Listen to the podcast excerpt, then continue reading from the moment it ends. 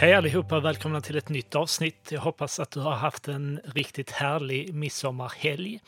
I det här avsnittet tänkte jag prata lite mer om att förstå vilken intention som din kund har när de utför en viss typ av sökning. Så jag har tidigare i den här podden pratat om kommersiella och informativa sökord. Och det här är så oerhört viktigt att förstå när man gör sin sökordsanalys och kanske framför allt när man väljer vilka sökord man köper i Google Ads så är det väldigt viktigt att förstå vilken intention har kunden när de gör sökningen. Alltså vad är de ute efter? Jag pratade om kommersiella och informativa sökord. Så att de kommersiella sökorden det är sökord som kunden använder när de letar efter någon produkt att köpa eller någon tjänst att köpa. De informativa sökorden, det är sökord som kunden använder när de letar efter någon typ av information.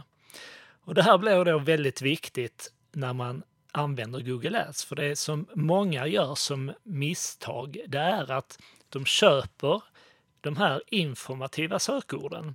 Och det här kan ske eh, det kan ske av misstag på grund av att man använder kanske matchningstyper i Google Ads. Det finns ett annat avsnitt i podden som handlar mer om just matchningstyper, men det är ett sätt att bestämma när Google får lov att visa våra annonser. Och använder man då bredmatchade sökord eller frasmatchade sökord i sitt Google Ads-konto, då finns det stor sannolikhet att man även exponerar sina annonser på andra söktermer än just de man har valt att köpa. Och då finns det en risk att man Eh, att man även köper många informativa sökord. Så vad många företag gör då är att de medvetet eller omedvetet köper de här informativa sökorden men presenterar en annons som handlar om en produkt eller tjänst. Där jag menar att det vore bättre att möta den kunden där kunden befinner sig, alltså troligtvis betydligt tidigare i köpprocessen. De letar efter någon typ av information.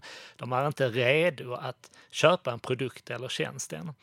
Där det kanske då vore lämpligare att visa en annons som pekar till någon form av informativ artikel exempelvis, där de då får svar på sina frågor. Så att ett exempel kan vara, låt säga att man säljer sociala medier eller kurser inom sociala medier. Då kan ett kommersiellt sökord vara sociala medier kurs. Det, det, indikerar ju att här finns en person som letar efter en kurs i sociala medier. Det är fortfarande väldigt oklart vilken typ av kurs inom sociala medier som man är ute efter.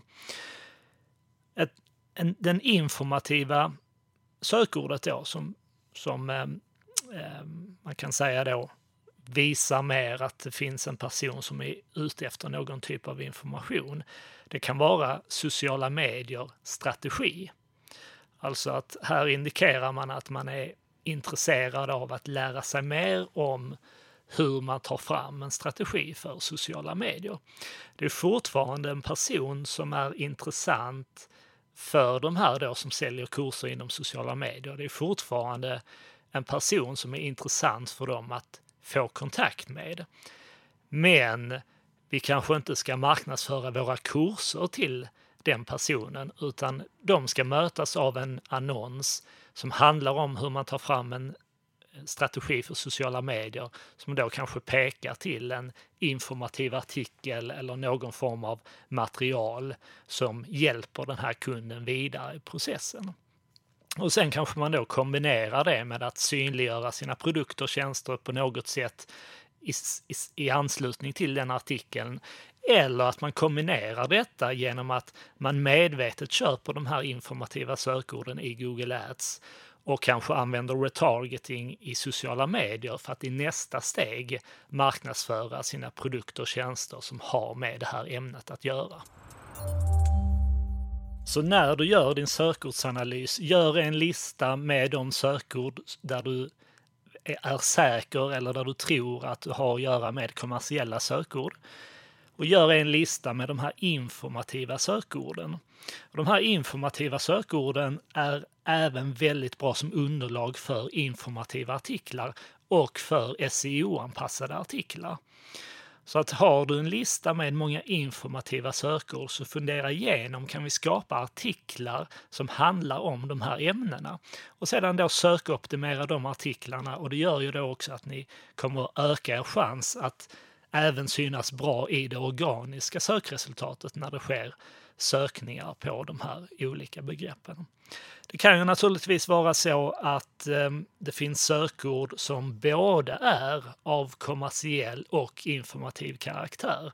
Där det kanske är svårt att förstå eh, om man letar efter en produkt eller tjänst eller om man letar efter någon typ av information. Och det kan säkert förekomma sökord också där det finns kunder som eh, en del kunder söker information och andra kunder är ute efter produkter och tjänster. Om du är osäker på om ett sökord är av mer kommersiell eller informativ karaktär, så testa att söka efter, alltså testa att använda sökordet i Google för att se vilka sökresultat som du får tillbaka. För att Google är väldigt duktiga på att förstå vilken intention som användaren har när de gör en sökning. Och skulle du då få fram många sökresultat av väldigt informativ karaktär, du kanske får sökresultat från Wikipedia exempelvis. Du kanske får eh, snippets i sökresultatet som besvarar olika typer av frågor. Du kanske också ser bland de relaterade sökningarna som du hittar längst ner i sökresultatet att där också förekommer många sökord av informativ karaktär. Och det kan ju vara ett tecken på att det finns väldigt många som letar efter information kring ämnet. Och då kan det ju lämpa sig bättre om man nu väljer medvetet att köpa de här sökorden i Google Ads, så peka de användarna till någon typ av informativt innehåll och försök där istället indirekt marknadsföra era produkter och tjänster alternativt eller även använda retargeting för att i nästa steg eh, marknadsföra era produkter och tjänster. Så det var allt för dagens avsnitt. Vill du ha mer tips kring hur du just gör en sökordsanalys så lyssna gärna in avsnitt 13 som du hittar i poddarkivet. Och är det så nu att du är exempelvis marknadschef eller du är digitalt ansvarig, du sitter med ett Google Ads-konto som du vill ha lite feedback och eh, diskussion kring hur ni kan förbättra, så kontakta gärna mig. Du hittar eh, Nivaits kontaktuppgifter på vår hemsida. Jag lägger med det i anslutning till det här avsnittet. Vi kan också hantera ert företags annonsering löpande för er som föredrar att arbeta på det sättet. Så med det sagt så önskar jag dig lycka till och så hörs vi om en vecka igen. Ha det bra!